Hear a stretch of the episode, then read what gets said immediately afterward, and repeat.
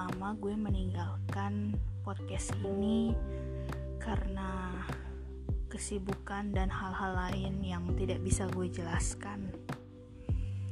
Oke, sesuai janji gue terakhir kali uh, setelah tentang sakit hati adalah gue akan menyampaikan podcast tentang IPA dan IPS.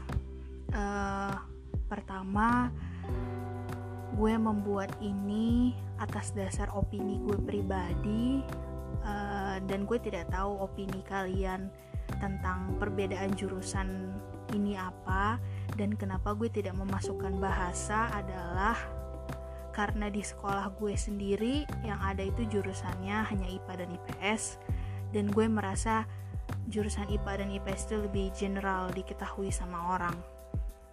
Uh, Oke, okay Langsung aja kita mulai. Pertama, gue akan bahas dari jurusan IPA yang mana itu adalah jurusan gue. Jurusan IPA yang gue tahu selalu dikenal dengan eksaknya di pelajaran.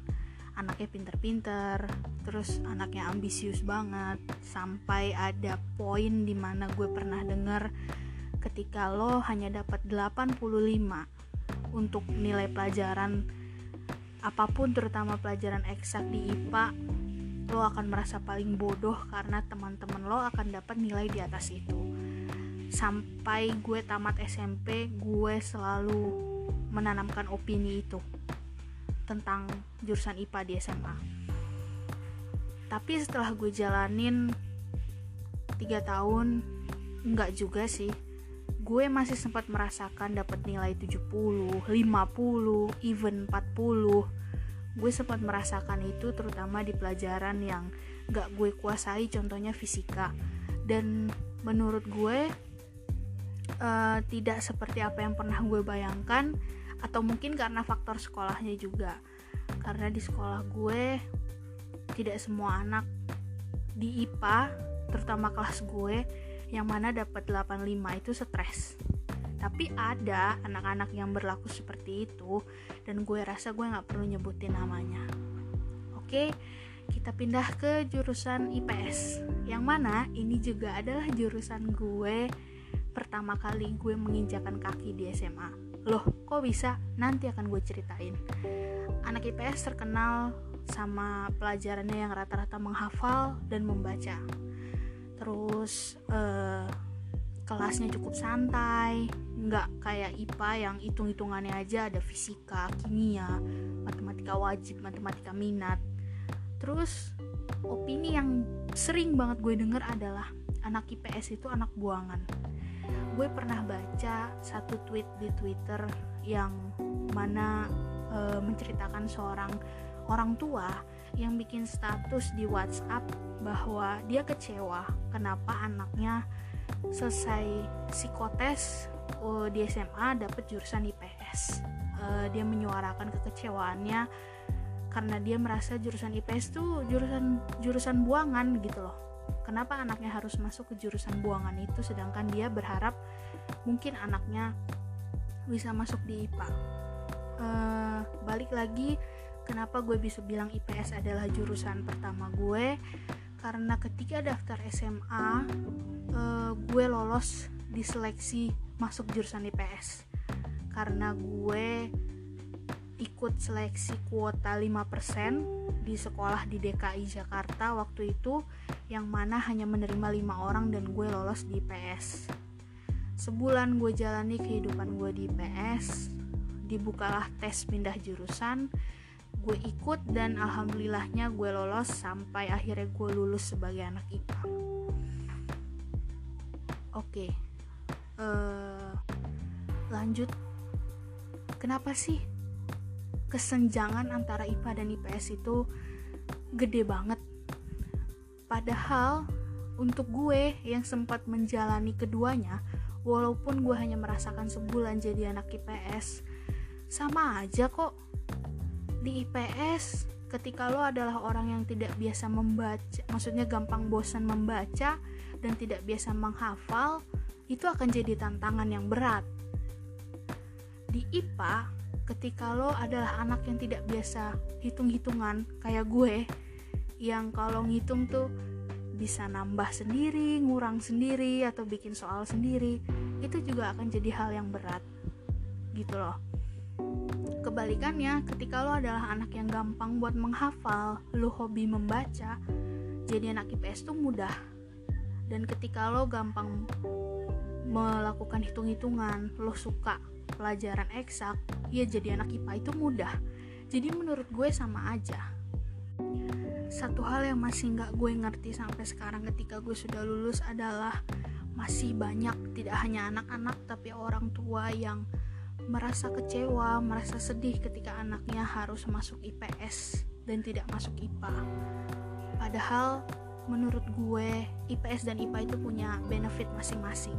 Ya, setiap hal pasti ada positif dan negatifnya dan menurut gue jadi anak IPS itu nggak salah kok banyak jurusan-jurusan yang sekarang bagus tapi mengutamakan anak-anak dari IPS jadi janganlah berkecil hati hanya karena lo anak IPS atau hanya karena uh, orang tua lo pengen lo masuk IPA tapi ternyata lo gagal jangan justru jadikan itu semangat buat diri lo bahwa ya dengan gue yang anak IPS ini gue mampu loh gue bisa loh gue sukses gitu loh. Dan yang IPA jangan karena cap yang udah kalian terima bahwa anak IPA tuh pasti pinter-pinter. Anak IPA tuh gini anak IPA tuh gini. Jangan jadikan diri kalian jadi sombong terus akhirnya meremehkan uh, teman-teman kalian yang dari jurusan lain karena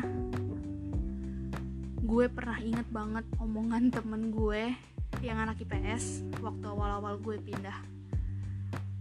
Anak IPA mungkin bisa jadi dokter tapi anak IPA tidak akan punya tempat kerja kalau anak IPS yang notabene yang ngerti manajemen bisnis tidak buka rumah sakit. Paham nggak? Jadi antara jurusan IPA dan IPS itu sebenarnya ada korelasinya. Bukan suatu hal yang harus dijadikan kesenjangan yang akhirnya malah turun ke diskriminasi jurusan gitu loh menurut gue. Terus uh, gue akan cerita tentang lintas jurusan yang gue jalani. Ada banyak orang yang merasa gak mungkin ah lintas jurusan itu suatu hal yang impossible. Gue akan menjawab tidak. Kecuali lintas jurusan yang mau kalian jalani itu adalah kalian anak IPS tapi pengen masuk ke dokteran atau teknik. Gue bukan mengatakan itu impossible tidak ada yang mustahil di dunia ini kalau Tuhan mengizinkan tapi gue akan mengatakan uh, persentase kalian bisa lolos itu hanya kecil. Karena kenapa? Teknik dan kedokteran itu dasar-dasarnya IPA banget. Dan kalau memang yang IPS mau lintas jurusan harus benar-benar berjuang uh, mati-matian istilahnya. Karena kan gak lucu kalau misalnya anak IPS jadi dokter terus nanti salah-salah karena mereka nggak punya basic gitu loh. Tapi gue tidak meremehkan. Silahkan kalau ada kalian yang bermimpi anak IPS tapi mau merambah ke jurusan anak IPA uh, eh, gue adalah lulusan IPA tahun 2020 dan sekarang gue menjabat tidak tidak. Gue sekarang adalah mahasiswa baru Fakultas Hukum Universitas Brawijaya. Gue adalah orang yang tadinya bersemangat masuk kedokteran, bersemangat masuk teknik, bersemangat masuk kesmas, tapi gue akhirnya menjadi anak fakultas hukum. Berarti lo gak mau dong jadi anak FH, itu bukan pilihan lo dong, enggak. FH itu adalah pilihan orang tua gue, terutama ayah gue, dan gue sendiri memang tidak mau lagi berhadapan dengan yang namanya hitung-hitungan atau hal-hal rumit ketika gue kuliah. Dan karena gue orangnya hobi membaca menurut gue gue cocok jadi anak hukum. Itu passion gue. Terus uh, banyak adik kelas yang nanya sama gue kak emang bisa linjur gue lolos seleksi SBMPTN kalau SNMPTN memang sulit untuk lintas jurusan kalau SBMPTN gue bisa bilang 95% kalian bisa lintas jurusan. Tinggal gimana kalian belajar aja. Dan sulit gak sih lo jadi anak hukum tapi nggak punya basic sosiologi? Jawabannya enggak. Karena menurut gue semua hal itu bisa dibaca bisa dicari tahu. Nggak harus tak punya dasar-dasar kecuali dasar-dasar itu berupa pelajaran eksak. Yang mau nggak mau lo harus punya dasarnya gitu loh jadi gue berharap banget ke depannya terutama buat orang-orang yang udah dengerin podcast gue yang amatiran ini tolong ubah mindset kalian bahwa tidak semua anak IPS itu buangan tidak semua anak IPS itu tidak ada gunanya dan tidak harus dikecewakan ketika lo tuh jadi anak IPS bukan jadi anak IPA banyak kok kriminologi itu IPS psikologi di beberapa kampus itu IPS hukum IPS uh, eh, manajemen itu IPS basicnya ya banyak banget jurusan-jurusan bagus yang sekarang basicnya dari IPS dan gue juga tidak meremehkan anak IPA karena gue tahu anak IPA itu keren banget luas banget jurusan kuliahnya. Kesmas dokteran teknik yang segala macam teknik uh, apalagi ya farmasi terus kehutanan pertanian kebidanan dan sejenisnya. Gue cuma mau bilang terakhir apa pun cita-cita kalian tolong sesuaikan jurusan kuliah kalian dengan passion dan tidak harus terpaku sama jurusan kalian di masa SMA mau IPA mau IPS atau bahasa sekalipun tapi tolong sesuaikan kalau SNM ya kalau kalian lolos seleksi SNM ya jangan ngambil jurusan linjur karena e, kemungkinan lolosnya kecil. Tapi kalau memang kalian merasa gue nih nggak passion di IPA gue maunya linjur ya mungkin kalian bisa coba berjuang di SBM gitu loh.